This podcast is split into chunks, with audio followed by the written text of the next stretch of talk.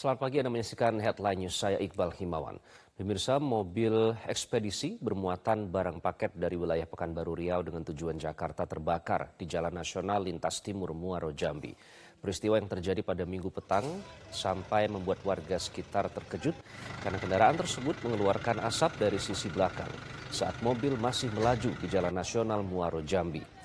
Sang sopir yang mengetahui ada asap dari dalam mobil boxnya langsung berhenti di depan kantor Mapores Muaro Jambi dan berusaha untuk membuka pintu belakang kendaraan namun mengalami kesulitan karena api terus menjalar hingga seluruh isi barang paket dalam mobil tersebut ludes terbakar.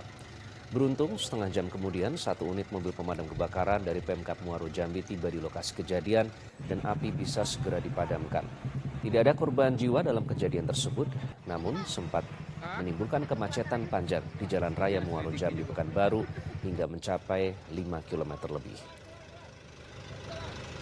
Awalnya ada asap keluar dari winbox, terus saya ke pinggir, saya langsung buka pintu belakang sama winbox, Iya. itu asap masih ada. Pas gitu nggak lama api keluar. Jelajahi cara baru mendapatkan informasi. Download Metro TV Extend sekarang.